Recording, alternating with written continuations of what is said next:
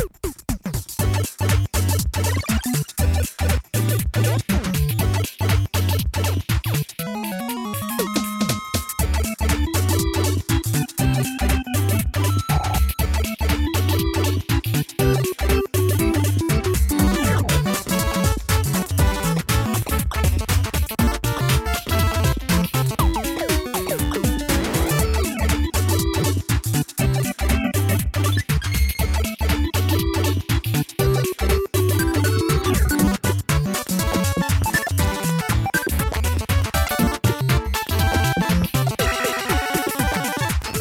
Hallo allemaal en welkom bij de 42ste 1-1 podcast.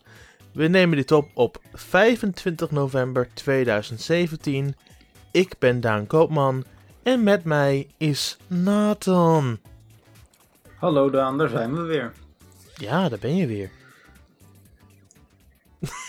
Ja, niks, niks erachteraan? Oké. Je bent, je bent er alweer, ja dat klopt. Ja. Nou ja, eh, drukke week qua releases en zo. Ik heb alleen vrij weinig gespeeld. Ja, Shinobi Rifle Friday. One Cargo was absoluut de grootste release van deze week. Oh ja. man, man, man. Grootste release in heel veel verschillende opzichten. Ja.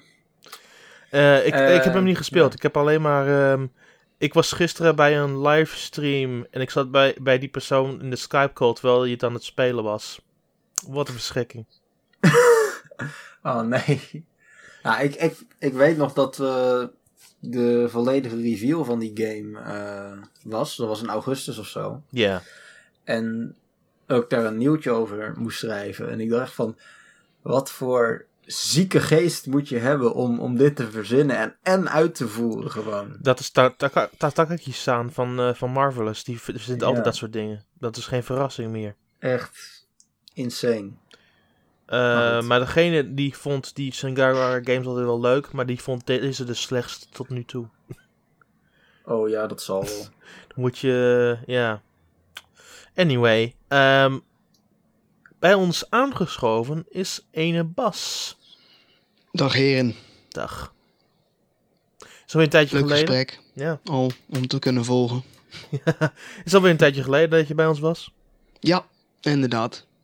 Tot nu toe eh, nog vrij weinig tijd gehad om ook nog aan te kunnen schuiven. Maar eh, en op het moment dat het eh, nodig was, was ik er helaas niet. en eh, Ja, dit Tja. keer weer wel. Nou, dat is mooi. Uitstekend.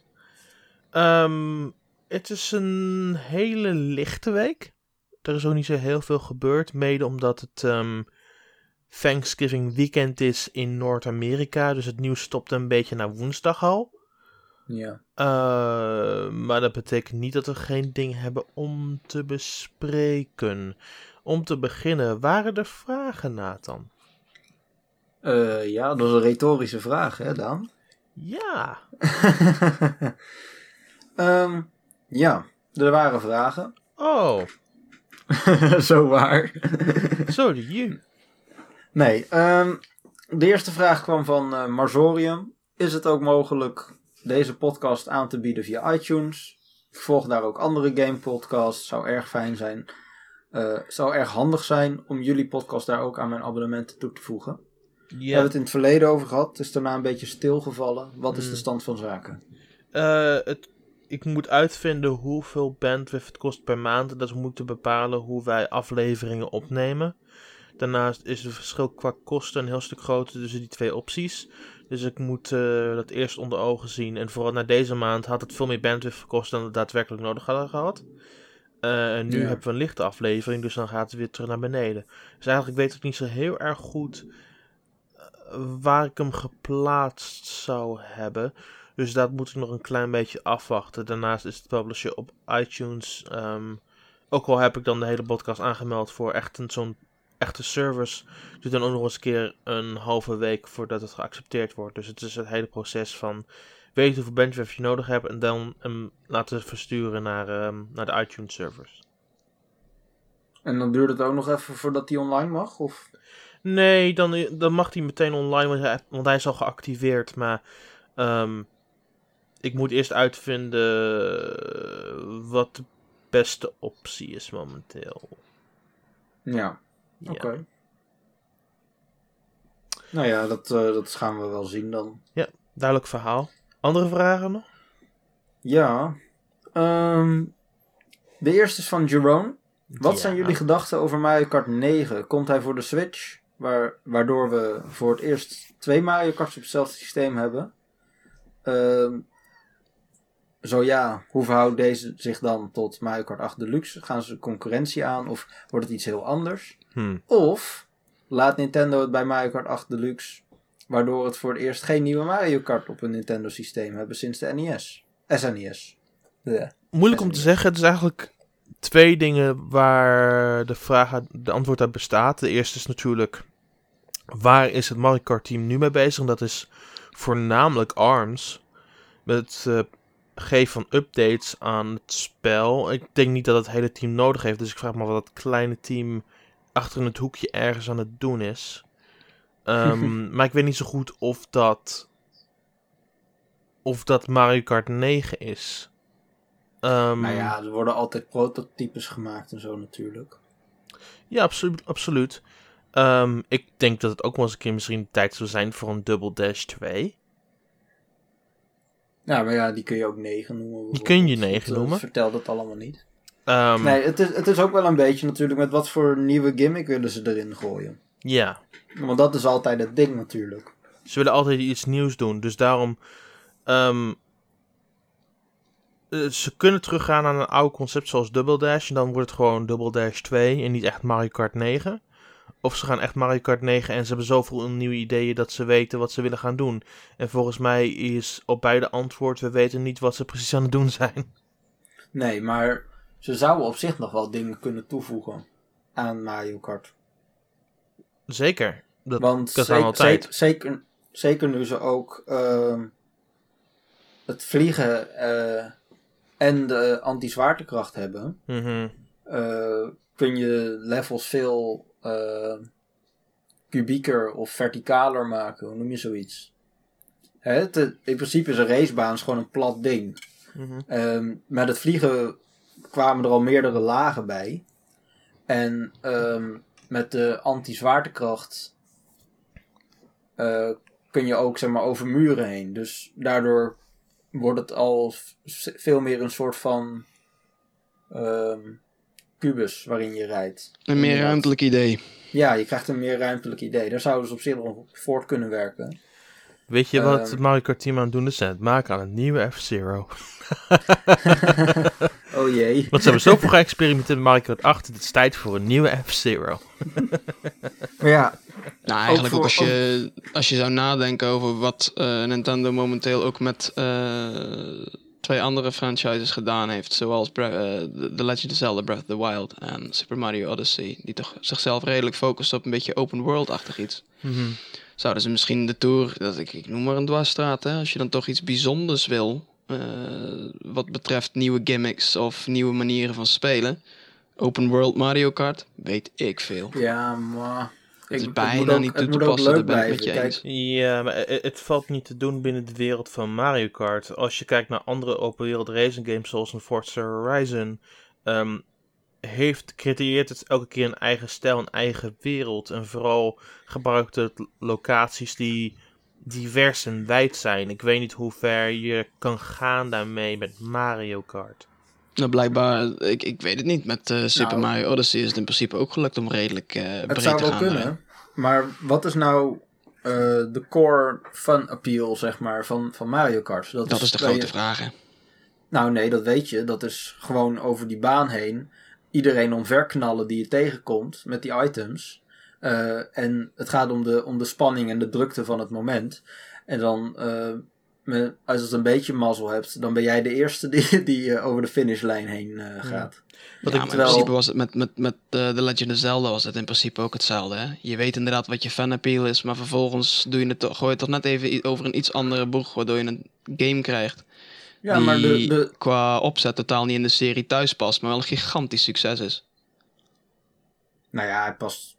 Ik vind, hem, ik vind op zich Breath of the Wild wel redelijk ehm, in het straatje passen van andere Zelda games. Alleen eh, in plaats van dat hij eh lineairder is, of gewoon lineair, eh, word je gewoon in deze wereld geplaatst. Ehm, Ik, zou, Maar, ik heb wel altijd, ja. gedacht, wel altijd gedacht sinds de release van Mario 8. Waarom zou ik niet naar die stad beneden ons kunnen van eh, N64 Rainbow Road? Want het ziet er heel erg uitgebreid en wel gedetailleerd uit. Waarom kunnen we daar niet rijden? laten we er een, een DLC-baan van maken. Dan noemen we Under the Rainbow Road. Ik noem het gewoon Nee, Mushroom City idee. 2, de sequel. Je kunt Ja, er in ja, principe precies. ook geen één zinnig woord over zeggen, omdat er zelfs nog geen ene vorm van geruchten over eh, het net opgegaan zijn. Nee. maar dat is ook logisch, omdat ze nog heel erg vroeg in een vroeg stadium zitten. Vanzelfsprekend of ze er überhaupt inderdaad al eh, heel serieus mee bezig zijn. We, we nou, kunnen in principe helemaal niks zeggen daarover. Ja. Nee, klopt. Maar op het moment dat je zelf zou zeggen van nou, ehm, ja, je denkt dus niet dat er een Mario Kart 9 komt. Of, Eh, in, de wijze, in de wijze woorden van mensen die niet compleet geloven in God. Ik denk dat er iets is. Ik weet niet of het bestaat. Maar ik ga maar geloven dat er iets is. jongen, jongen, jongen, jongen. Juist. Want je kunt beter leven in hoop dan zeggen van, nou, het gaat nooit gebeuren. Want als je terugkijkt naar wat 2017 gebracht qua Nintendo games, dan had je deze line-up ook niet compleet kunnen voorspellen. Nee, dat is waar. Ehm, maar goed, stel dat Mario Kart 8 9 uiteindelijk komt. We Ja. weten van Mario Kart games, die blijven de, de hele generatie door goed verkopen. Eh, Mario Kart 7 kun je nog steeds eh, af en toe in de winkel zien liggen. En als je hem ziet, kost hij nog steeds. Ik zie nog steeds Mario pond. Kart DS in de winkel liggen. ja, precies. Ook nog steeds voor het volle pond, voor eh, 40 euro. Ja. Dus die dingen die gaan lang mee. Mhm. Stel ze besluiten om over drie jaar, er zit gemiddeld drie jaar tussen eh, Mario Kart games. Ehm, dus eind 2019 of ergens in 2020 komt eh, Mario Kart 9 uit voor de Switch, ik noem maar wat. Ja. Eh, dan is dus de vraag, hoe gaat deze game zich verhouden tot Mario Kart 8 Deluxe? Wordt het een soort van concurrentiestrijd of wordt het iets heel anders? Ik vind dat het gewoon iets anders moet zijn dan wat Mario Kart 8 Deluxe nu brengt. Dat je ze dus allebei zou willen kopen, Ja. op het moment dat je ze allebei nog niet hebt. Ik denk dat dat ook inderdaad het geval gaat zijn. Voornamelijk ook omdat eh, Mario Kart 8 Deluxe op de Nintendo Switch is gekomen. Omdat die op de Wii U in principe niet volledig tot zijn eh, potentieel is gekomen. Nou, dat zeg je wel, maar het was wel de Dat- meest verkopende Wii U game. Ja, van de vijf die er waren. Dat is ook niet zo moeilijk ook op dat moment. Nou, dat waren waren een heel stuk meer dan vijf. Nou, je Ehm, snapt wat ik bedoel dan. In ja, zekere zin. Maar, Het, eh, maar het is een lastig platform geweest. Het is een lastige periode geweest. En ik snap, niet, ik, ik snap 100% dat Nintendo ervoor gekozen heeft om Mario Kart 8 in de vorm van Mario Kart 8 Deluxe naar de Nintendo Switch te brengen. Omdat Ja. er nou niet e- eenmaal niet alles uitgehaald eh, was wat erin zat. Ja, maar tegelijkertijd, als je nu de verkopen kijkt van Mario Kart 8 Deluxe en de originele Mario Kart 8, staat Mario Kart 8 nog steeds boven die van Mario Kart 8 Deluxe. Want dat komt dat zo dichtheid was met hoeveel mensen het hebben gekocht. Ja. 80% van Wii U gebruikers hadden een kopietje van, van Mario, Kart 8, Mario Kart 8, de originele. Dus dan zijn het nog niet zo'n hele slechte cijfers om van thuis te komen. Het zijn gewoon, wat deed je met die dichtheid? En dat hebben ze een beetje laten verslonsen. En pas een half jaar later begonnen ze echt iets met, iets met te doen met echte toernooien en de, de extra DLC. Ehm, Mhm. En nu hebben ze al een compleet pakket eruit gegooid. Het enige wat ze met Switch nu hebben toegevoegd, is dat je het overal met je mee naartoe kan dragen en dat er nu een battle mode is. En natuurlijk zijn dat belangrijke dingen, maar ik denk dat er veel meer uit te halen viel. Maar als je kijkt naar ehm, de dichtheid, eh, ja, de dichtheid van Kart 8 is gigantisch. Maar Mario Kart 8 Deluxe is inmiddels ook al eh 4,5 miljoen keer verkocht. Ja, maar dat is, nog, dat is wel minder grote dichtheid dan toen op de Wii U. Ja, minder groot, maar nog steeds meer dan 50%. Mm, ja, Mm, Dus- dat kan ik je niet helemaal garanderen, maar, maar Nee, op dit, vooruit, op dit ja. moment is het, eh, nou ja, tenminste de eind, eind september, hè, waar we toen de financiële resultaten over gehad hebben. Ja. Daarin hebben we 4,42 miljoen eh Mario Kart 8 Deluxe eh kopies. En 7,63 uit mijn hoofd eh, miljoen switches. Hm. Hè, dus dat is sowieso meer dan de helft. Ehm, dus in die zin blijft eh, die game gewoon goed verkopen. Mhm. Op dit moment. De vraag is natuurlijk hoe lang die staart is. Maar eh, er zijn heel veel mensen die geen Wii U gehad hebben. Genoeg Die mensen, wel, ja. die eh, wel een Switch kopen. Of Mhm. gaan kopen in de toekomst. Ja. Voor hen is het nog steeds een nieuwe game. Ja, dus voor hen, voor hen blijft ook over twee jaar eh, dit de nieuwste Mario Kart die zij nog niet gespeeld hebben. Wellicht, ja. Het, ehm, Ja, Dus ik, de- ik denk dat ze wel met elkaar gaan concurreren. Want op het moment dat ehm Mario Kart 8 9 iets toevoegt aan het huidige eh, arsenaal, zeg maar, van, van opties die, die we hebben, dan wordt dat sowieso al eh, de betere game tussen, tussen aanhalingstekens. De nieuwere game, mooier, weet ik veel. mhm. En op het moment dat het open wereld gaat of iets, of iets anders doet in die zin, dan zijn mensen ook van ja, groter is beter. Hm. Maar ze hebben ook wel dingen laten verslonzen in Kart 8 Deluxe. Dus er is absoluut ruimte voor verbetering. Bijvoorbeeld, het, er is helemaal geen reden meer om de, om de Grand Prix te spelen. Mhm. Dus er is absoluut nog ruimte om, ehm, om dingen te verbeteren, om dingen beter te doen, om, ehm, ja, om gewoon beter dingen te showcaseen. Ehm, en ik denk dat daar de hoofdfocus gaat liggen, waarschijnlijk met Mario Kart 9 als die er komt. Wat ik wel vet zou vinden aan, als Mario Kart 9 dit gaat doen, is als je inderdaad een soort eh, stad hebt, waarin je in open wereld kan rondrijden, eh, dingetjes kan doen en zo. En dat je dus ehm, de Grand Prix, gewoon, en de battles, eh, in die stad kan doen, zeg maar. Als, eh, als een soort stadions of arena's of eh, weet ik veel. Ik vind dat de missies ook terug moeten komen van de DS-tijd. Ja, die waren ook vet. Ja. Maar dan was wel duidelijk een, ondergeschoven kindje. Mm. Hetgeen, het, wat jij zegt, Nathan, Ja. doet je dat niet heel erg denken aan eh, de games van heel lang geleden? Dan spreek ik over Lego Races en Lego Races 2. Ja, dat, soort- dat soort dingen Ja, inderdaad. dat is namelijk waar ik direct aan moest denken. Ja, ik, ik zelf zat er niet meteen aan te denken, maar nu je het zo zegt, ja, eigenlijk zoiets inderdaad. Ik denk dat dat... ehm, Ik, ik, voor mij is het belangrijker dat het helemaal gevuld zit met missies. En dat, dat is een goede manier om die DS-missie terug te brengen. Nou ja, zeker als ze open wereld willen gaan. Ik bedoel, dat is nog natuurlijk helemaal niet gezegd, maar stel ze doen dat. ehm, dan lenen missies daar, eh, hè, lenen zich uitstekend voor, voor open world racers. Ja. Dus Anyway, Ja. ja, ja interessant, interessante vraag. Waar, is er nog, was er nog meer of eh, was dat ja, er was nog meer. Oh, Ehm, ja, oké, nou ja, dat was Mario Kart. Ik had op zich nog wel wat meer willen zeggen, maar goed. nou, we moeten, we, moeten, we door. We moeten Dus, eh, door. Ja. Ehm, de volgende gaat ook over eh, de Switch en een serie. Ja? Van Nintendo fan die vraagt: Wat hopen jullie dat de volgende Ace Attorney voor de Switch wordt? Een nieuwe Phoenix Wright game of een nieuwe Apollo game of een spin-off game? Zelf hoopt hij of zij, ik denk ook hij, eh, op een Athena Sykes game. Wat natuurlijk de, de, de hulp was van, eh, van Phoenix Wright eh, in Phoenix Wright Dual Destinies. Ja, en ze kwam ook weer terug in Spirit of Justice. Ja. Ja. Nou, het, lastige is, eh, ik heb zelf Spirit of Justice nog niet gespeeld. Mhm. Ik weet wel dat er een soort punt gezet wordt achter de, de tijdlijn, om het zo te noemen.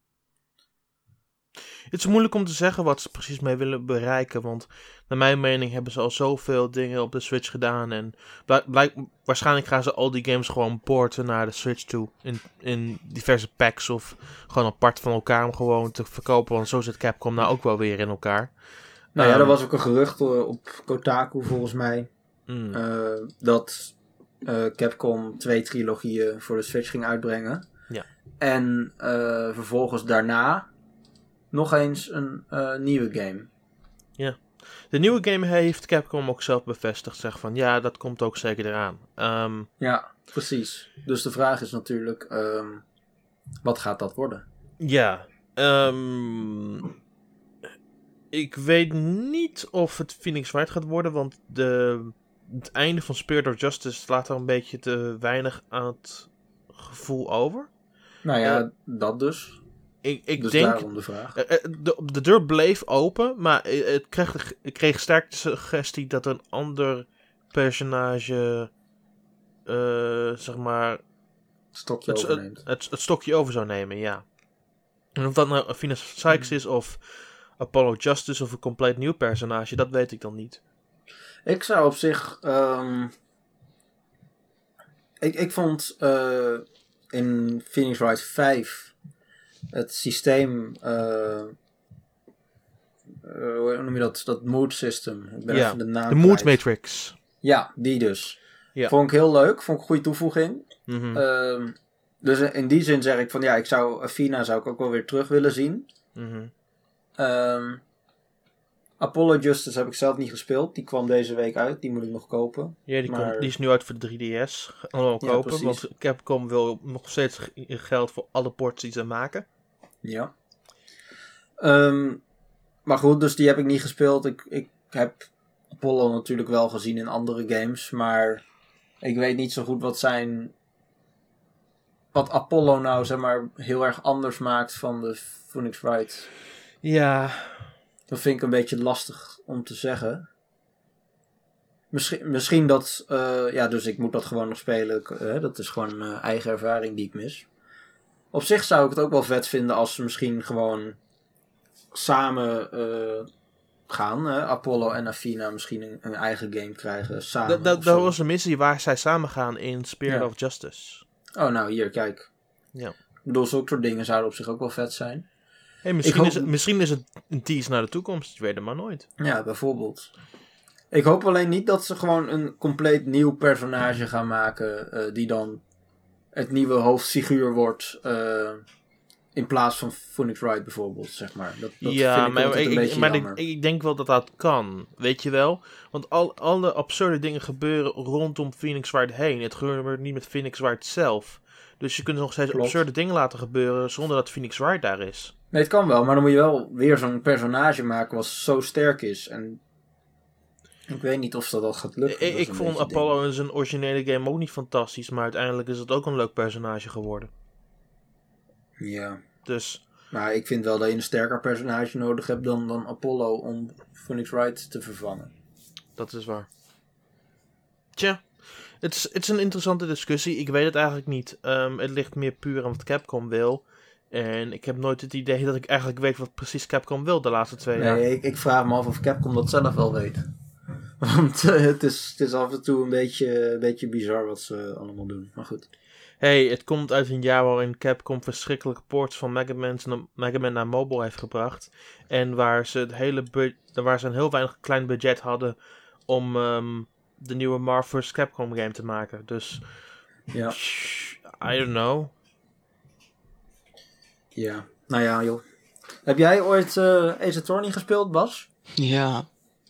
Ik heb die zelfs, eh, je hebt het over Ace Attorney 5, dat was Dual Destinies volgens mij. Mhm, ja.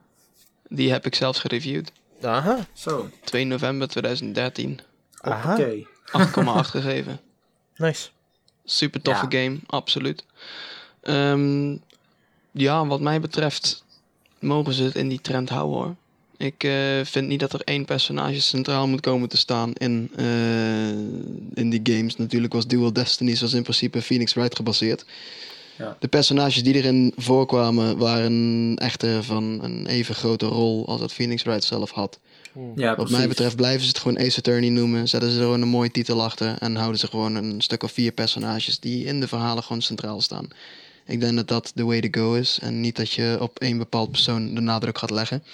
Want zoals hier ook al besproken is, eh, ga je van bepaalde personages dan eh, ook weer bepaalde herhalende kenmerken terugzien. Eh gaan er sterke personages moeten zijn op het moment dat zij in hun eentje een toch al reeds sterk personage zouden moeten kunnen vervangen. Ja. Ja, precies. persoonlijk denk ik dat je die last beter gewoon kan spreiden. Klinkt heel erg zakelijk, maar eh, dat is eh, ook hier weer het geval. Op het moment dat je het spreidt, dan kan het best wel zijn dat je aan een bepaald personage een bepaalde hekel ontwikkelt. Eh, zeker wel, maar al de rest kan dat vervolgens opvangen, waardoor het spel gewoon nog amusant blijft. Ja, en waardoor iedereen gewoon wat wils heeft. Exact. Ja, nee, daar ben ik het dus helemaal mee eens. Nee, zeker. Ehm, ja, dus inderdaad, als er dan nog een nieuw personage komt, dan in, in ieder geval eh, niet in zijn eentje. ja. Cool. Nou ja, we gaan het zien. Als we het gerucht moeten geloven, dan volgend jaar om deze tijd zouden we meer moeten weten. Precies. Was dat hem? Eh dat was hem. Cool. Dan gaan we beginnen met maar twee nieuwsverhalen. Eeuw.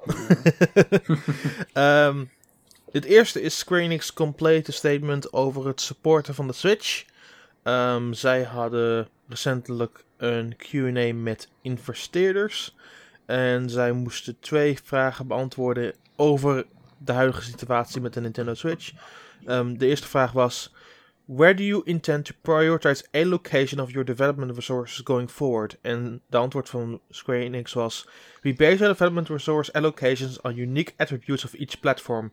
In particular, Nintendo Switch makes it easier, for us to leverage our back catalog of assets and expertise. So we want to be proactive in creating new IP and rebooting past titles for that platform. Eh, de tweede vraag: What do you think of Nintendo Switch and how are you pr- approaching development efforts forward? Hun antwoord: Nintendo Switch is seeking rapid uptake, and we welcome the arrival of such a platform.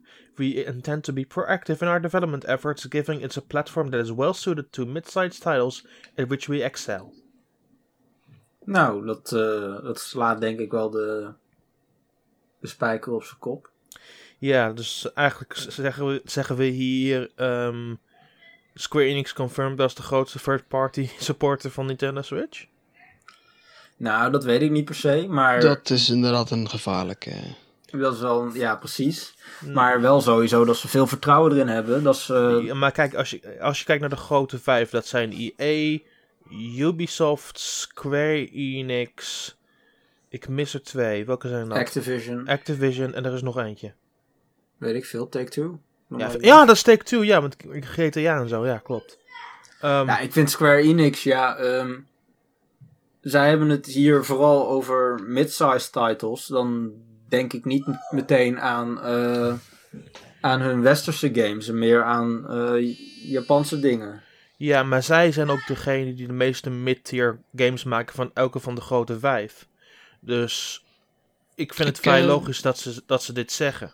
Ik weet het eigenlijk niet, Nathan. Dat je inderdaad zegt dat het niet voornamelijk de westerse games zouden zijn. Maar is. ehm, even kijken hoor. Ja, is maar, Life is Strange niet onder andere een onderdeel van eh, Dat is wel van hun, ja. het portfolio van Square Enix? dat valt technisch gezien onder een, wat voornamelijk, voornamelijk Idols was. Wat ook van Square Enix Ja. tegenwoordig is. Mhm. Ehm, maar Ja, je, hebt, je dat- hebt Life is Strange, je hebt DSX. ehm, het valt wel onder een portfolio, dat wel natuurlijk. Ja, Nou, nou, ik heb het al eerder gezegd, ook eh, op andere momenten op de website zelf. Ehm, Life is Strange, hè, dat wil ik nou even als een voorbeeld noemen. mhm. Mhm. Omdat ik zou zeggen, op het moment dat jij als Square Enix zijnde een mid-tier eh, titel naar Mhm. de Switch zou willen brengen die nog recent is. Ja. Eh, want Life is Strange Before the Storm eh, moet episode 3 nog krijgen. Mhm. Ik heb episode 2 toevallig eh, gisteren eh, bijna uitgespeeld eh, op de PC. Netjes, netjes. En het is Mhm. echt, het is opnieuw weer een bom van een spel. Echt, Life is Strange, het origineel was al echt, er waren, de, eerste episode was leuk. Hè? Dat brengt Ja. je een beetje binnen. En dan vervolgens de episodes die daarop volgen, dat zijn toch wel een partij mindfucks. Dat is echt, dat mag echt geen naam hebben hoor. en dat is zo goed aan die spellen. De manier waarop ze je naar binnen trekken, de manier waarop ze die atmosfeer creëren. Mhm. En dat zijn zaken, als je die nou on the go zou kunnen meenemen, hè, want dit soort games laten je niet los. Die wil Ja, je niet wegleggen. Nou, en een Switch die hoef je niet weg te leggen. Ja, Nee, nee, zeker een goed punt. Ik vind Life is Strange ook een hele goede keuze daarvoor. Ehm, als we kijken naar hun Japanse kant, dan ehm, is het voornamelijk zo dat ze zich focussen op die RPG, RPG Factory titels, zoals I Am Setsuna Ja, dat is echt... en ehm, wat is de nieuwe Lost Sphere. Ja. ja, maar dat is echt om, om over te kotsen gewoon, jongen. Ja. Dat zijn echt Maar dan hebben ze ook nog, nog meer higher tier titels. games waar ze nu naar kijken. En dat is eh, hun eerste effort daarin is ehm, Project Octopath Traveler. Nou, maar dat Ehm, is ook een mid-tier game eigenlijk. Nou, ik, ik vind, ik vind het is, het is mid-tier, maar ik vind het wel aardig hoog. Ik vind het wel moeilijk om te zeggen waar die precies staat in het mid-tier gehalte. Ja, maar het blijft een mid-tier game. Je gaat dat, geen, dat wordt geen AAA-title als Final Fantasy 15 of... eh, Nee, ik maar ik, ik, maar ik zie er wel meer resources in gepompt worden dan een reguliere midterm game van Square Enix. Oh ja, dat sowieso. Maar dat, is, dat zijn wel, zeg maar... Het is wel gewoon een voorbeeld van die mid-sized games die hij hier benoemt. Dat is meer wat ik wilde zeggen eigenlijk. Nee, nee, dat, dat klopt absoluut.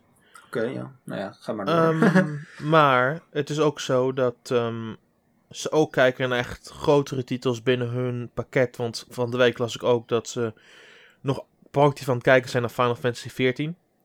ja, ehm, nou, dat is natuurlijk een grote game. Ja, het het is niet zo dat eh, de conversaties ver gevorderd zijn, maar ze zijn nog zeker aan het kijken. En we weten dat Dragon Quest 11 er ook naartoe komt.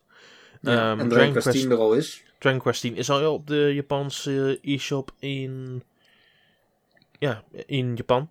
Ja. Ehm, en... maar dat, is nog meer te vergelijken met, met Final Fantasy 14 eigenlijk. Ja. Omdat het... eh, Nou, het loopt op een MMO's andere zijn. structuur. Dr- Dragon Quest 10 Dragon- en Final Fantasy 14 lopen op een hele andere structuur. Ja, Ehm, tuurlijk. Maar het zijn wel allebei MMO's. Ja, Dus ze, ze kijken eerst natuurlijk met Dragon Quest 10. Oké, eh, hoe verloopt dat? Eh, wat, wat zien we hier allemaal gebeuren? mhm. En ik denk dat ze daarop baseren wat ze eh, eventueel nog meer gaan doen. Bijvoorbeeld met Ja, Dragon 14. Quest 10 is een experiment dat te ver is gegaan. En, Final Fantasy 14 is een follow-up van Final Fantasy 11. Dus hmm, dat vind Ja. ik een beetje tricky om te zeggen hier. Maar ehm, wat ik gespeeld heb van, Final, van eh, Dragon Quest 10 is het heel erg interessant. Maar het, het, het voelt ook heel erg gevoed door de systemen die al bestonden in Dragon Quest. Ja. Waar Final Fantasy XIV al volleerd is in zijn MMO kunnen inlaten. Omdat ze eerst natuurlijk de grote complicatie hadden van het origineel. En toen de Realm Reborn deden. En toen hebben al- alles hebben geleerd over wat een MMO mogelijk maakt. Ja. Ehm, dus het is al een compleet pakket in mijn optiek. En ze zijn nog steeds aan het bouwen in Dragon Quest 10. Nog steeds met de nieuwste update die niet meer de Wii ondersteunt. Het ondersteunt de Wii tot dit punt in, in tijd. Belachelijk, Ja, toch? Ja, Ehm, de Wii U-versie wordt nog steeds ondersteund. Nee, ze stoppen nu met de ondersteuning. Ja, maar de Wii U-versie. Uh, Wii U gaat nog wel door, ja. Ja. Ehm, maar ja, het is belachelijk dat er nog steeds ondersteund wordt tot deze tijd. Mhm. dus ze hebben eigenlijk titels en, en elk soort subgenre aan games. Want ze, zelfs hebben ze ook nog een collective waar ze indie games door publiceren. Ehm, Ja. dat, doen, dat doen een westerse kant. Dus ze hebben eigenlijk titels in elk soort en formaat. Dus het is ook wel duidelijk naar mijn mening. En jullie zeggen het is risky, maar ik zie het wel gebeuren dat van de grote vijf Square Enix de grootste is wat we nu binnenkrijgen. Ja, nee, dat is waar. Ja, de vraag is, ik, ik weet niet of ik Square Enix überhaupt in dat rijtje zou plaatsen, als ik heel eerlijk ben. Maar goed. Nou, Square Enix hoort in het rijtje thuis. Als je kijkt naar wat zij uitgeven op een jaarbasis en wat voor titels zij uitgeven, het zijn hele grote populaire titels. Ehm, Ja. Maar ik vind, ik, ik vind Bandai Namco bijvoorbeeld nog een veel groter bedrijf dan Square. Bandai Namco bestaat langer, maar ze hebben niet het aantal assets en, en groot bereik en daarnaast de franchises die Square Enix heeft. Als je kijkt naar de, de grote franchises die van Square Enix blijven verkopen, verkopen die vele malen meer dan de grootste franchises van ehm, Namco Bandai. Of Bandai ja, dat is Namco. waar. Maar ze, ze hebben wel eh, ook ehm, heel veel op anime gebaseerde games bijvoorbeeld. Die op zich ook wel als mid-sized kunnen worden gezien. Als je Oh, nee, vraagt. absoluut. Maar de enige reden waarom jij waarschijnlijk meer denkt aan Bandai Namco is hun relatie met Nintendo. Ja, en hun output op jaarbasis. Want zij Oh, brengen wel heel veel van dit soort mid-sized games uit. Ja, maar je moet ook realiseren dat ze in afgelopen tijd ook zelfs hun grootste kantoor hebben gedownsized naar een kleiner kantoor. Hm. Dat kan. Eh, want zo groot is Bandai Namco niet en zij, zij maken ook nu minder games op jaarbasis dan een paar jaar geleden. Zij kiezen nu heel specifiek welke titels zij nu uitbrengen. Dus daardoor is het ook meer kwaliteit wat zij uitbrengen, maar daardoor is het ook minder wat uitkomt op een jaarbasis. Ja, maar dat is Ehm, alleen maar goed. Nou, dat, dat is heel goed. Maar wat ik dan zeg is dat Square Enix aan de andere kant lijkt juist meer games uit te pompen dan de afgelopen paar jaar. Nou ja, Square Enix heeft op zich nog heel veel mogelijkheden om te porten naar de, naar de Switch. Ja. Eh, World of Final Fantasy kwam vorig jaar volgens mij uit. Ik weet niet of het van een fantasy kan, maar het zou wel leuk zijn. Ik, ik ga, dat vind ik Nou ja, dat was wel een van de games waar ik aan moest denken toen ik dit hoorde. Hmm, ja. Want het is op zich ook wel redelijk mid-sized. Is op zich een bekende IP. Mhm. Ehm, ja, het is een PS4 en een Vita-titel. Dus eh, aan kracht ligt het op zich ook niet. Nee, eh, het was op PS Vita. Ik heb hem doorgespeeld op PS Vita en het werkte prima daar. Zo, dus... Hmm. Dus ja, en eh, qua westerse games brengen zij sowieso Fear Effect. Mhm. Eh, Oh, die komt er ook binnenkort weer De reboot. Reboot. Wel kleinere stad, maar goed. Nee, ja, dat, qua, dat qua, westerse games weet ik het niet. Want eh, Crystal Dynamics, die dus aan Tomb Raider gewerkt heeft... Ja. Die eh, werken nu aan eh The Avengers volgens mij. Of, of in ieder geval Marvel dingen. Ja. Ehm, dus ja, dat zal waarschijnlijk weer gefocust zijn op eh, heel erg mooi, eh, krachtige games, et cetera. Dus ja. Hun, hun Lara Croft games zouden wel kunnen, kunnen gebracht worden omdat ze ook op PlayStation 3 waren. Ja, en je hebt ook nog... ja, inderdaad, dat is waar. Dat zou ook nog een hele goede zijn op zich. Maar dat is dan wel weer een late port. Ja, maar elke late port is wel welkom in de grote zee van Switch games. ja, dat is waar. Heb jij Ehm, nog een, eh, een, eh, een game die je graag ziet komen, Bas? Of zal het allemaal wel? Ik vind het eigenlijk vervelend te zeggen, natuurlijk, omdat ik Life is Strange zelf al gespeeld Mhm. heb op PC. Eh, Mhm. Dat, is eigenlijk voor, dat is eigenlijk mijn, mijn, mijn, mijn serie, mijn favoriete Square Enix serie. Verder niet heel erg veel eh, van Square Enix gehad. En echter lijkt dit mij bijvoorbeeld een prachtige toevoeging. Voor mijn part wachten ze tot het, eh, totdat alles van Before the Storm uitgekomen is. Bundelen ze vervolgens Before the Storm en Life is Strange, het origineel. En brengen ze die als zijnde een versie gewoon in een port naar de Nintendo Switch. Er zullen zat mensen zijn die eh, die game nog niet gespeeld hebben. En die dat juist wel zouden willen doen. Ja, Ja, dat, dat, denk ik eh, ook. Absoluut een hele mooie toevoeging zou zijn. Ja, en ze hebben natuurlijk ook nu eh, eh, Life is Strange 2 in ontwikkeling. Voor de, hè, daar, daar zijn nog geen platforms van bekend. We weten wel dat het Unreal Engine is, dus zou op zich wel kunnen draaien. Ja. Mhm. Dus dat zou op zich ook geen slechte kandidaat zijn. Nee, zeker niet.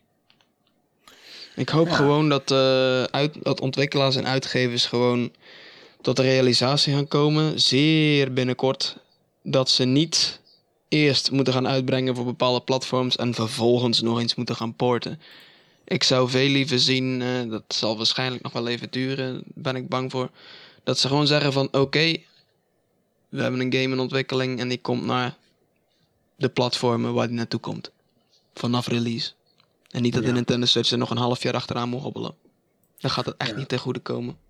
Nou ja, dat heeft ook natuurlijk wel een beetje te maken met ehm, dat de Switch in eh, maart uitkwam. Dat ze zoiets hadden van ja, eh, de Wii U dat was niet echt een geweldig succes. Eh, we kijken het nog even aan.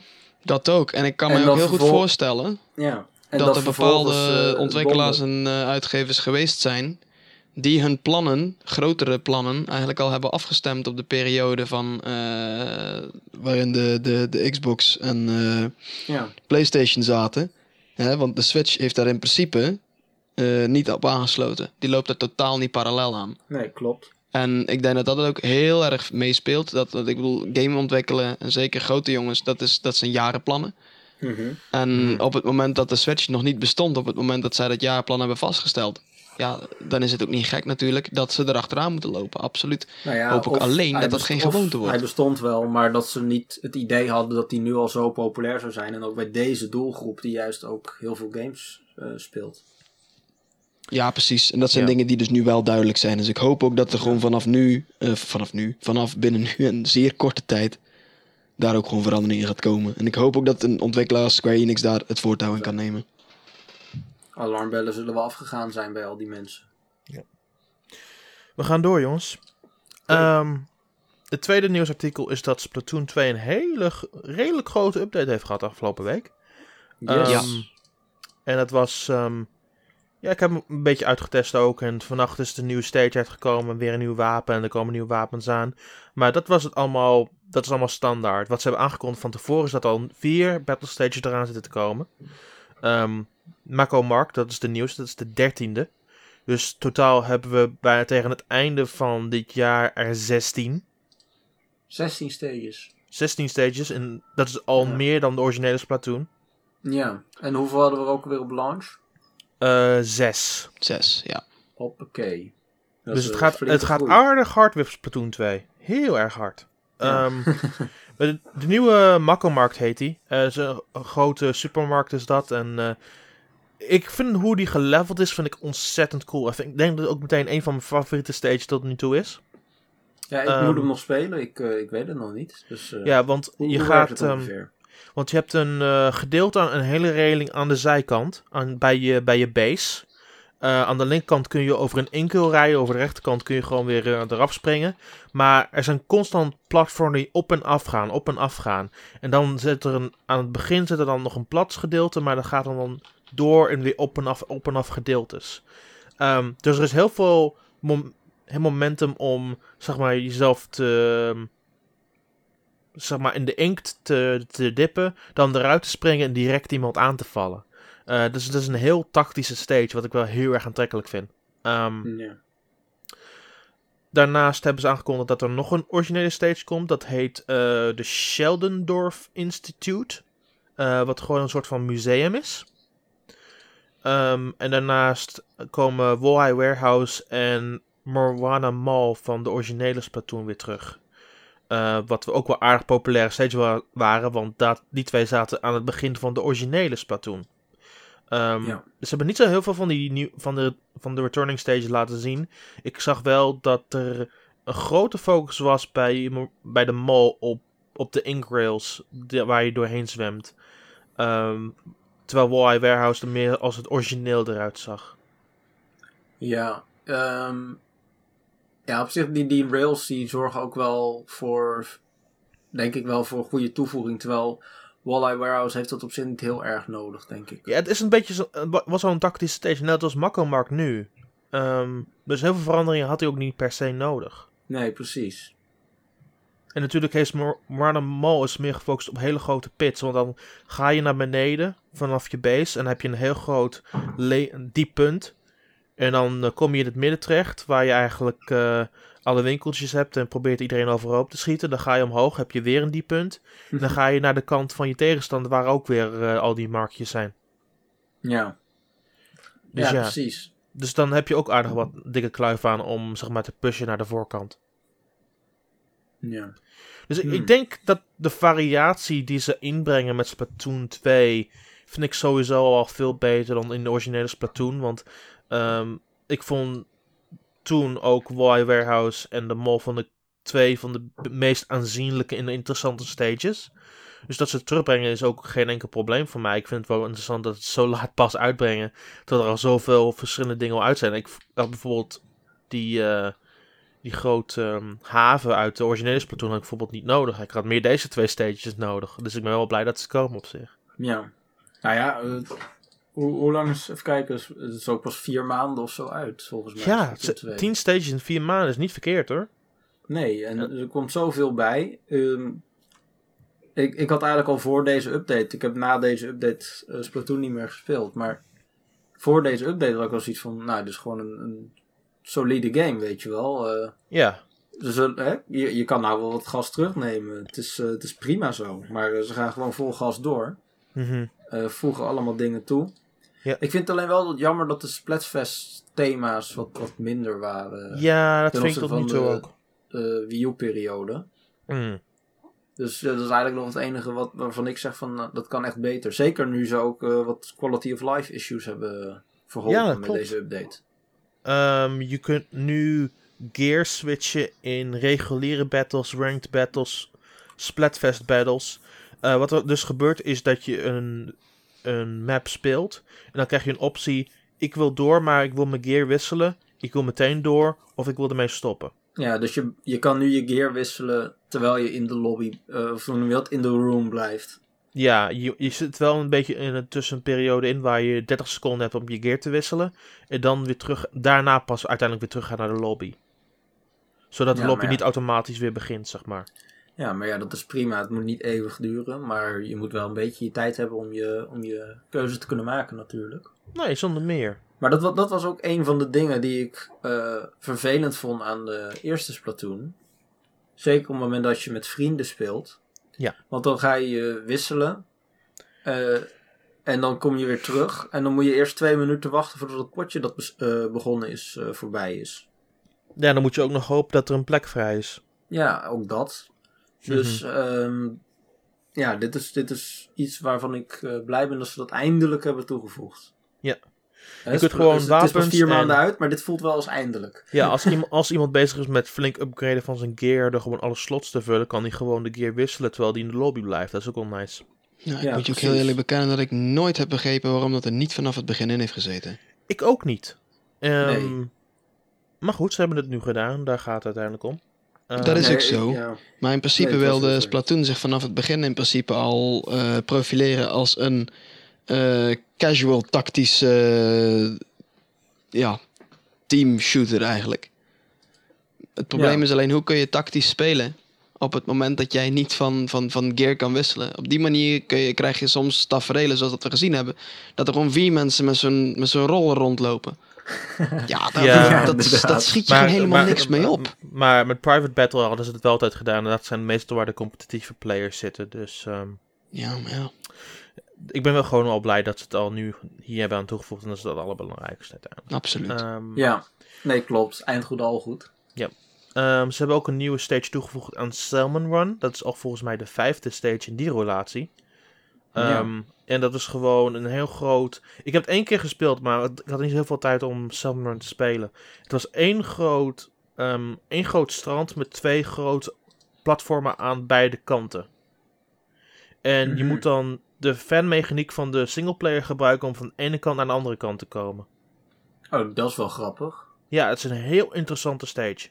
Ik vind alleen wel die, die ventilators, of hoe noem je die dingen, vind ik wel altijd stiervervelend. Dus, maar goed, eh, denk op zich wel dat ik ermee kan leven in een eh Salmon Run Battle. Ja. Eh, ze hebben ook 140 stukken aan nieuwe gear toegevoegd. Dit is inclusief schoenen, headgear en, en eh, kleren. Sommige als een, eh een motocross masker, ehm, nieuwe winterkleding, een heel legerpak, noem het maar op en eraan. Ehm, ze hebben vijf nieuwe nummers aan de battle mode toegevoegd. Ehm, er zijn twee nieuwe her, hersta- hairstyles per, eh, per, per geslacht. Dus voor twee voor vrouwen, twee voor mannen. En er zijn stekels voor de mannen en er is een in, in heel korter haarmodel voor de vrouwen en een heel lang haarmodel waar de stuk echt, echt van een zijlijn afgeknipt zijn. Het ziet echt heel opmerkelijk uit. Ehm, en daarnaast is het nu zo, en oh my lord, ik ga hier echt eh, gek hier. Ze hebben nu eh, het maximale level verhoogd naar 99. Ja, dat is gewoon een verdubbeling. Ja, Ik weet kunt nog hem- dat jij al voor de release volgens mij al eh, op 40 zat of zo. Ja, klopt. Dat is Eh, echt insane. En het is ook nog zo dat je kunt dan, als je eenmaal level 99 hebt bereikt, kun je zeggen van hé, hey, ik wil terug naar level 1. En dan komt er een sterretje met een, met een cijfer achter te staan. Dus dan eerst bij je eerste keer level 99 sterretje 1. Ik van Ja. die Call of Duty throwbacks nou. Ja, ja. inderdaad. Daar moest ik ook aan denken. Oh Allemaal my van God. die prestiges. ja. Ehm, Tot Dit hoe ver is- gaat dat? Hoeveel sterren kun je ik heb maximaal geen krijgen? idee. Dat, dat gaan we achterkomen, denk ik. Eh, Een tonnen integer overflow of zo. Yep, yep, yep. eh, niet, 2 miljard. eh, wat niet deel is van deze update, maar het komt in dece- mid-december, is een nieuwe Ranked Battle Mode. ja. Eh, die heet Clam Blitz. Eh, daar moet je ehm, schelpen verzamelen rond, ehm, rond de stage. En die vo- volgen dan de player. Ehm, je kunt maximaal 10 tegelijkertijd verzamelen. En het eerste team dat 100 punten verkrijgt, wint. Ehm, Mhm. Het is natuurlijk niet zo gemakkelijk, want er zijn ook speciale schelpen die je op kunt oppakken. En die veranderen in power, powerschellen en die kun je dan sturen naar, de, naar het gebied van je tegenstander en zorgen dat er dan heel veel van die, van die clams eruit vallen. Ehm, waardoor het heel erg hectisch wordt en ook veel meer team-based. Ik vind dat deze de meeste, team, meeste team-based ehm, ranked mode is tot nu toe. Ehm, wat me heel erg intrigeert. Ja, ik, ik weet het niet. Ik moet het gewoon eerst spelen. Ja, we moeten nog tot mid-december wachten, dus... Ja. Er wordt nog druk nog mid-december, want er komt nog dit komt eraan, de Zelda DLC. Eh, Ja. Dus er is nog genoeg te doen voor het einde van het jaar. ja. En eh, Xenoblade natuurlijk. Ja, dat ook nog, ja. Xenoblade zou je ook wel nog een hele maand mee bezig zijn. Ja, nou nog voordat ik aan Xenoblade toe kom, ben ik nog een maand bezig volgens mij. Precies, ja. Oh Dus jee. er, er valt nog genoeg te doen aan het einde van dit jaar. Ja, want, want deze maand is er ook al het een en ander uitgekomen natuurlijk. Belachelijk veel. Toch? eh, ja, zullen we gewoon een bruggetje maken op deze manier? Dus wel eh, Ja, slim sure. bruggetje, hè? Slim bruggetje. Wat een fantastisch Eh, bruggetje. 10 uit 10. Ja. Dus Bas, wat heb jij gespeeld? Ja, wat anders dan Skyrim. Hoppakee. Wat anders dan die Elder Scrolls 5 Skyrim. Ik, ehm, ja. Ik moet je heel eerlijk bekennen, ik heb op de, op de, op de PC eh, dat spel compleet, compleet kapot gespeeld. Ik eh, durf met eh, enige schaamte te zeggen dat ik in zowel Skyrim het origineel als de Special Edition zelf ruim 550 uur gestoken heb. Hoppakee. Wat, we, Dat wat, is- wat Bas probeert te zeggen is dat hij Dragonborn is. Ja, ik voel, me, ik voel dat van binnen inderdaad, ja. Nee, dat, dat zijn nog maar de geregistreerde uren eh, op Oh Steam. ja. Er zijn zelfs nog een aantal uren, eh, f- fix aantal uren geweest. eh, die Steam eh, daarin niet geregistreerd heeft op een of andere vage manier. Misschien dat ik offline was of iets in die richting. Afijn. Ja, precies. Hm. Ehm, dus in die zin zou je eigenlijk zeggen, ik heb alles al gezien. In zekere zin klopt dat ook. Anderzijds eh, is de Nintendo Switch eh, versie van eh, Skyrim zodanig eh, verfrissend geweest voor mij. Mhm. Ehm, mede vanwege het feit dat er eh, bijvoorbeeld gebruik werd gemaakt van, eh, wordt gemaakt van HD Rumble eh, voor lockpicking. Dat is Ja. echt, dat is, dat is, dat is, je moet je eens voorstellen, de eerste keer dat jij, eh, dat is in Helgen, als je beneden bent in de, ehm, in de prison, zeg Mhm. maar, dan heb je een aantal kooien. Ja, ja, en ja, dat is de ja, ja. eerste keer dat je lockpikt in heel dat spel. Oké. En dan Vond moet je je vond voorstellen. Niet, vond je niet... ehm, ik, zonder, dat- sorry dat ik je onderbreek hoor. Mhm. Ehm, vond je niet dat met de veranderingen die ze hebben gedaan met de besturing... dat lockpicking heel erg gemakkelijk werd nu in Ja. Skyrim? Aan de ene kant wel. En aan de andere kant niet. In de novice, eh, bij de novice en de apprentice levels eh, van de locks was het bijzonder simpel inderdaad. Omdat je perfect, Ja, ja, ja.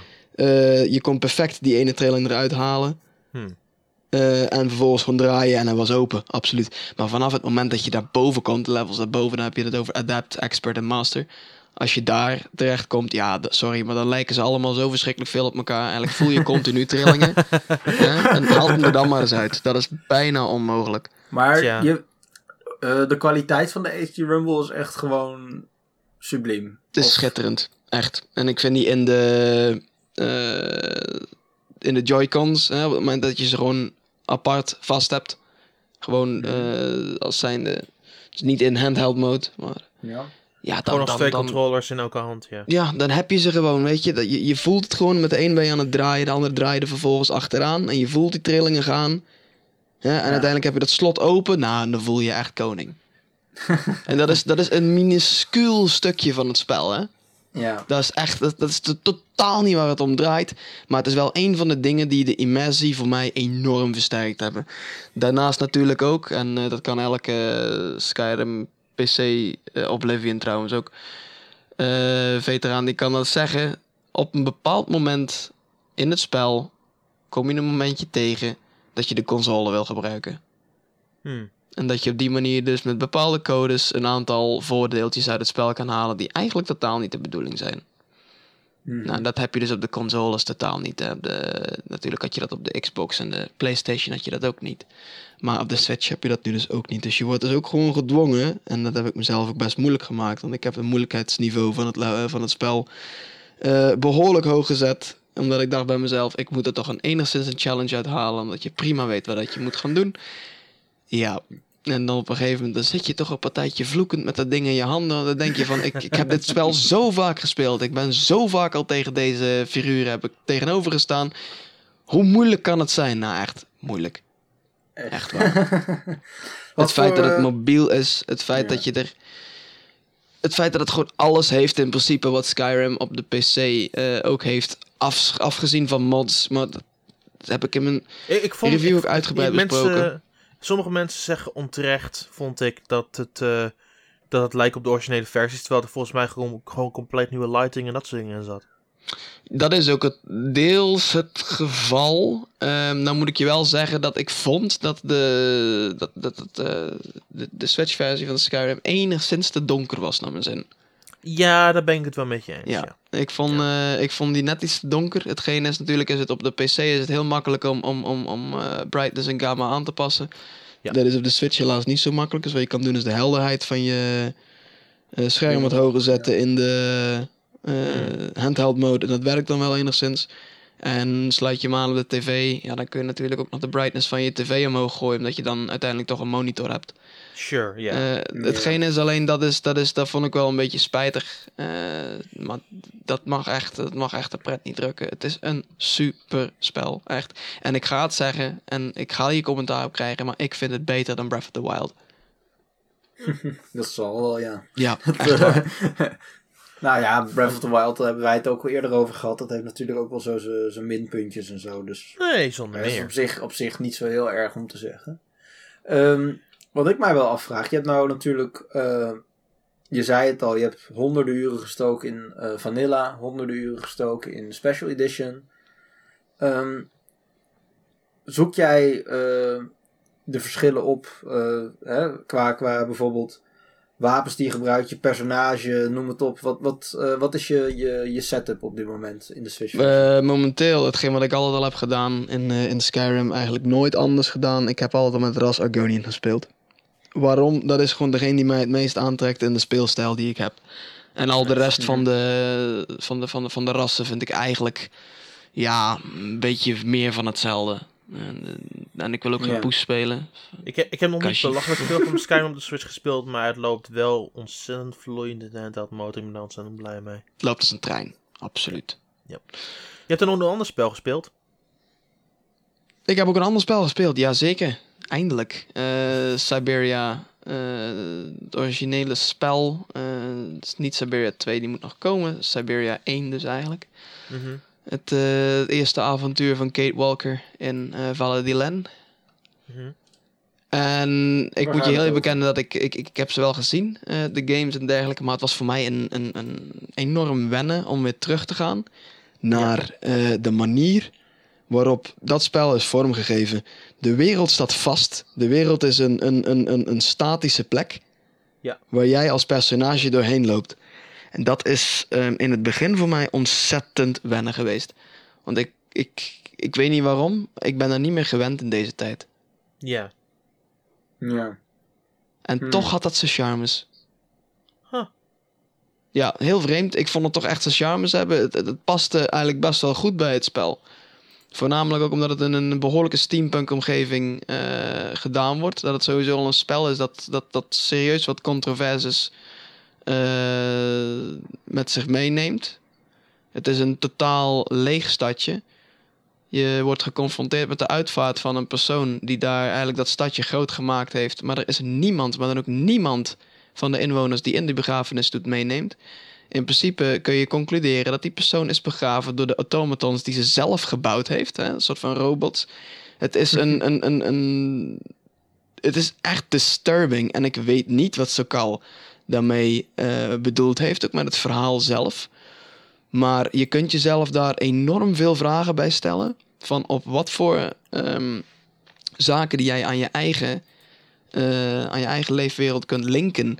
eh, waarmee heeft dat te maken? En ik moet je heel eerlijk bekennen dat er toch wel een aantal serieus zieke dingen in, eh, in Siberia zitten, heel stiekem. Het is geen enge game. Het is geen. eh, het, is ook geen jumpscare game in die zin. Het is echt een puzzel. eh, een beetje een puzzle game. Die af en toe een beetje moeilijk in elkaar hangt. En ook de besturing valt af en toe nog wel een beetje tegen.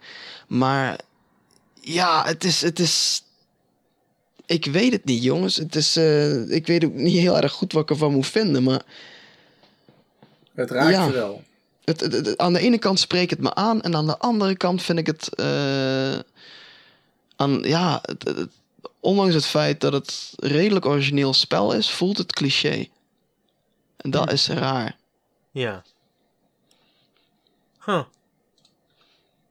Hmm, dat, is, dat is inderdaad wel een, Ja, een vreemde uitspraak inderdaad. Daarom, Ja, het- ja, het- mee? om die reden ook dat ik niet heel erg goed weet wat ik er, eh, wat ik er precies mee moet doen. Maar ja, fijn dat. eh, Tja.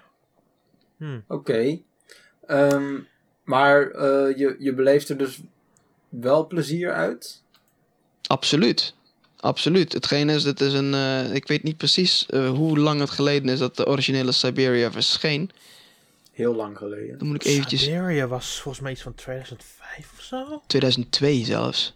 Oh, wauw. Ja, Oh. dus we kijken hier dus naar een game in 2002. Ja, 2002. Oei, oei, oei. ehm, die overigens ook beschikbaar was op eh, Windows Mobile en, I- en iOS.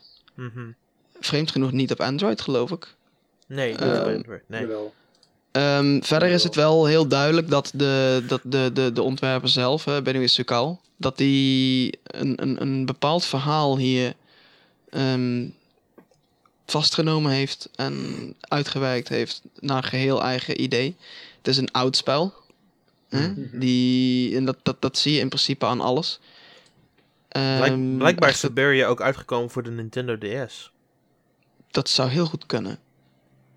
Hmm. Vast eh, geen idee. Maar ja. Kijk, we gaan straks natuurlijk ook kijken naar een release eh, in deze maand. Eind deze maand, de 30ste van Siberia 2. ja. Een game in 2004. Mhm. Dan kijken we naar Siberia 3. Dat is een nieuwe game. En dat is een vrij recente game. Ja. Dus dan zul je ook de verschillen in ehm, gameplay zien, zeg maar. In, in wat Juist. geaccepteerd was in die tijd. En hetgeen is, ik, ehm, op de een of andere manier heb ik het gevoel dat die, dat die games op elkaar gaan bouwen. Hè? Dus ik heb Siberia 1, nou ja, ik zit nog niet op het einde. Het gaat me sowieso wel lukken om tot het einde te geraken. Ehm Siberia 2 gaan we dan nog bekijken. Het ik weet niet wat het er eh, precies met Siberia 3, ja, dat, dat, dat is, ja... We gaan het zien, hè, op welke manier dat ze op elkaar aansluiten.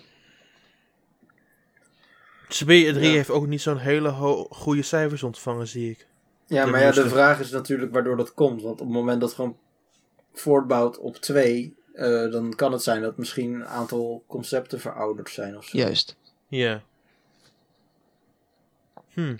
Ik vind het een, eh, ik, ik, ik vind het een moeilijk, eh, ik vind het sowieso heel moeilijk om games uit, eh, die, die ouder zijn dan 10 jaar, om die eh, toch weer een plekje te geven in de huidige, in de huidige tijd. Waarom? Omdat Ja. ik vind dat op een bepaald moment dan is het klaar. Op een Ja. bepaald moment dan heeft een game zijn glorie gehad en je hebt bepaalde cultklassiekers eh, en bepaalde klassiekers in het algemeen. Persoonlijk denk ik niet dat Siberia tot de cultklassiekers behoort, absoluut niet. Mhm. Eh, Nee, maar dat het wel een noodzakelijk iets is geweest dat die games weer terug naar boven gebracht worden. Mede ook vanwege het feit dat Siberia 3 eh, is verschenen. Mhm. En ja, dat, dat, ja, het is, ehm, ja, ik vind het moeilijk. Maar goed, dat, eh, dat was wat het Bas heeft gespeeld. Wat ik heb gespeeld zijn ook twee games. Eh, de eerste is Battleship Brigade, waar Nathan heel veel over wou weten. Ja, ja. Nee, Ja. dat klopt. Ik heb die game eh, zien verschijnen op Kickstarter. Ik heb het niet gevoeld toen of zo, maar ik heb het wel gezien en ik heb het een beetje in de gaten gehouden. Ja. En nu is die game eindelijk uit, dus Mhm. ik, eh, ik weet er wel wat van. Ja, ehm, Battleship Brigade vindt plaats in een fantasy setting waar je een eh, meisje speelt die bij de Battleship Brigade wil horen. Dat is een, eh, een groep aan getrainde vechters die ma- materialen verzamelen en dan koken voor het, voor het koninkrijk. Ehm, Mhm. In, deze verha- in dit verhaal ehm, leer je eigenlijk alle dingen kennen. En er het zijn heel veel verschillende dingen waar je aan- eigenlijk aan, aan moet denken bij dit spel. Het is echt een hele rare mishmash aan, aan mogelijkheden. Dus als je materiaal verzamelt, dan is het meer een hack-and-slash-achtige game. Waar je, waar je vijanden be- bevecht en ze tot, tot eh Morris eh, maalt. Eh, en dan verzamel je ze. Ja. Eh, deze, deze attributen breng je terug naar ja, je kookgerei. En dan speel je een match, drie game met verschillende elementen zoals Earth, ehm, Wind en Water en Fire. En die probeer je dan te combineren in rijtjes van drie. Die vormen dan een weer grotere globe en, worden, en verhogen dan de waarde van, ehm, van je kookkunsten. Ehm, je kunt dit blijven doen tot je helemaal tevreden bent met je gerecht. En dan moet je dat gerecht naar een jury brengen. En opnieuw, je moet heel veel management doen met die gerechten. Dus eh, weten wat je brengt moet, is heel erg belangrijk. En die jury bepaalt uiteindelijk of wat je gebracht heeft daadwerkelijk goed is. Of dat je aan regels hebt gehouden. Of dat het thema van, van je gerecht klopt. Anders gaan de helft van je punten eraf. Ehm, Ja. En dan wordt de winnaar bepaald tussen jou en een computertegenstander. Ehm, het is een heel leuk spel. Belachelijk, geïntri- belachelijk intrigerend. Ehm, er is ook een heel, hele kleine town waar je verschillende missies doet. Waardoor je de verschillende mechanieken beter leert kennen. Er is een heel, heel leuk verhaal met hele aandoenlijke personages. Eh, hele unieke stijl ook. Het is heel erg getekend. eh, maar, ze maar de personages zijn stilted. Maar hoe ze spreken en de, de, de specifieke animaties die ze doen, maken het ehm, hele. Maakt het gewoon heel erg aantrekkelijk om te bekijken. En ehm, ik heb de game echt in een paar dagen doorgespeeld. En ehm, ik heb er gewoon bijzonder van genoten. ja. Ja, hij kwam maanden al uit. 20 euro. Mhm. Ehm, dus ja, je hebt wel je, je tijd gehad, kunnen we zeggen. ja, maar ehm, wat ik mij vooral een beetje afvroeg is: ehm, is er één eh, onderdeel van die game die jij specifiek leuker vindt? Bijvoorbeeld dat, dat jagen, dat is natuurlijk totaal anders dan het bereiden. Mhm. Is het in balans?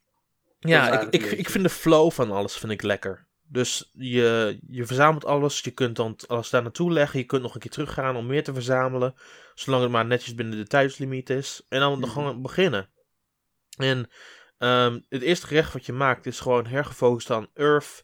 Dus je moet heel veel van die groene orbs verzamelen. Dus ik gooi, ik gooi heel veel van die groene orbs in het eten. En je gaat gewoon in één stuk door en dan maak je iets waar je waar je heel erg tevreden over bent. Ik had belachelijk hoog punten, veel meer dan ik daadwerkelijk nodig had. Maar het was gewoon de moeite waard, want het voelde zo, het voelde zo fijn om iets ehm, klaar te krijgen in die game, precies zoals ik het wou. En daar genoot ik gewoon van. De hele, het hele proces van het voorbereiden, het maken ervan, ehm, voelt fantastisch. Ja. En dan kom je bij de jury. Mhm. Ehm, dan wordt dat dus beoordeeld en zo. Ja. Ehm, wat, wat krijg je terug? Wat is je, je feedback, zeg maar? Eh, Eh, je, je wordt beoordeeld op de smaak van, van het gerecht. Je wordt beoordeeld of je aan het thema hebt gehouden. Of je wist waar je me- echt precies mee bezig was. mhm. Ehm, en daarop krijg je nog extra punten toegedeeld bovenop het punten van je recept. Of je krijgt punten aftrek als je niet compleet eerlijk Ja. bent geweest. Ehm, En maar wat kun je daarmee? Hm? Wat kun Nee, je het, daarmee? het is, het is gewoon, het, het is belangrijk voor de uitslag. Want je Ja. vecht altijd tegen een tegenstander. ja. En die computertegenstanders worden steeds harder, vooral als je richting het einde van, van het Battlechef toernooi komt. Ze zijn Mhm. belachelijk moeilijk. Met de laatste, laatste paar vond ik maar met drie of vier punten verschil. En, en wat, voor wat voor scores haal je dan? Even ter... ter eh, Iets van 160. Ja, precies. En daar dan drie, vier punten verschil tussen. Ja, Dat is echt best wel close. ja. Het is echt, het is echt bijzonder pittig. Je moet zo, met zoveel kleine dingen rekening houden. Ehm, maar het is zo ongelooflijk satisfying om gewoon iets te bewerkstelligen in dat spel. Ook al is het een van de kleinere jobs waarmee je geld verdient. Ook al is het een van, ehm, van de kookmateriaal. Het enige negatieve is dat je heel veel. Je hebt heel veel materiaal. Of ehm, pannen of dat soort dingen allemaal. Maar je weet niet van tevoren wat het thema is. Dus het kan best zijn dat je een verkeerde pan meeneemt in je, in je gevecht. Op het moment dat je eh, materiaal verzamelt. Nee, dan heb je al materiaal verzameld Ja. en je gaat beginnen aan een gevecht. En je weet niet wat precies het Oh, thema ja. is. En het kan best Ja. zijn dat je dan een verkeerde pan hebt meegenomen. Ja, dat is wel jammer dat je daar niet op kan anticiperen. Ja. Dat, dat is Hmm. het enige nadelige, vind ik, aan het spel. Het enige wat mij een klein beetje irriteerde door het avontuur heen. Want ik vond echt persoonlijk dat ik had zoveel gespendeerd aan die missies om geld te verzamelen voor nieuw materiaal. En dan neem ik bepaald materiaal mee, dan is het niet goed. Ja, dan heb ik zoiets van, eh, lekker allemaal weer. Ja, precies. Je krijgt niet echt die, die positieve feedback, om het zo te noemen, Ja, van het spel. ja.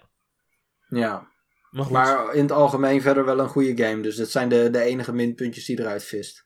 Ja, voor de rest is het gewoon een heel uitstekend spel. Ik heb er voor de rest geen klachten over. Het is heel leuk.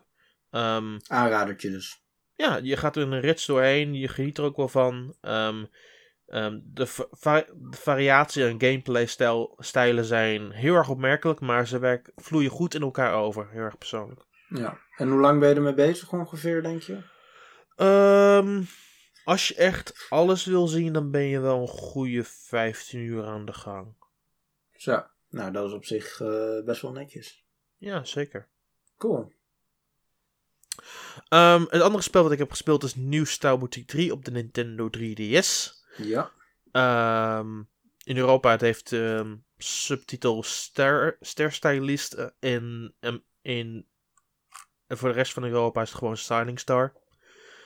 Ehm, Nou, is het ook, is het ook ja, in, ook in eh, Duitsland, Frans? is, ook Duitsland is het Styling Star. Ook in Frankrijk is het Styling Star. Bijzonder.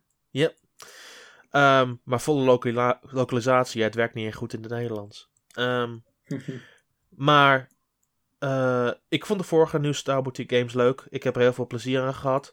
Het probleem altijd was met deze Star Boutique, het voelde meer als een timesync dan een daadwerkelijke story-driven game.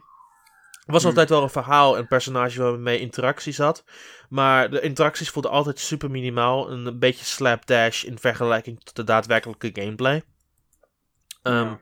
wat ze nu hebben gedaan is. Er waren problemen met de vorige game, ehm, Fashion Forward, waar ze bijvoorbeeld op een Animal Crossing-achtige manier een real-time klok probeerde in te voeren en veranderingen waardoor je elke keer, elke dag moest blijven spelen. Ehm, nu is deze game meer gestory-focused, wat betekent dat je gewoon eh, een aantal taken op een dag doet en dan gewoon een dag beëindigt. Eh, waardoor je daarna doorgaat naar de volgende dag. En het maakt erdoor dat er meer dat je meer gedaan krijgt in de tijd die je besteedt aan het spel. Daarnaast is het ook zo dat ehm, ze de tijd hebben gevonden, de developers van het spel Via, om daadwerkelijk een verhaal te ontwikkelen. Want het gaat nu om. Je, je start nog steeds een boutique op, net als de vorige games. Maar er komen bepaalde talenten naar je toe. ehm, op, opkomende talenten. En die vragen je echt om hulp met stijl en verschillende dingen. Dat soort dingen allemaal. Ja. Ehm, en zodra je die helpt, vordert een stukje in het verhaal. En zie je ook echt, echt muziek, muzikale debuts van die mensen. Zie je groeien als sterren. En ze vragen je ook steeds meer om hulp.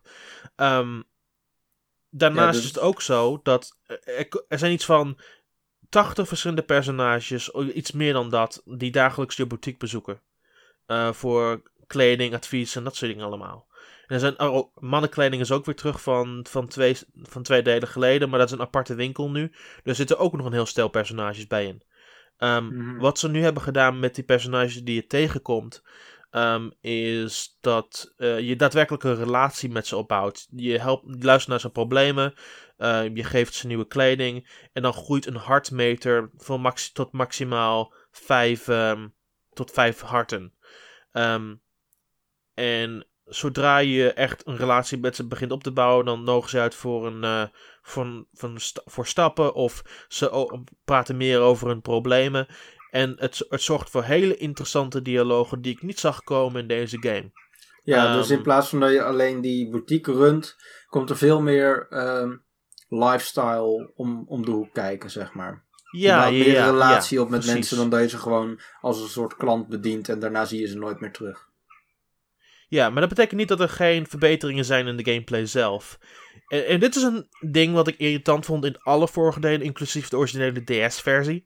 Mhm. Ehm, voorheen moest je weten, precies weten wat je op voorraad had.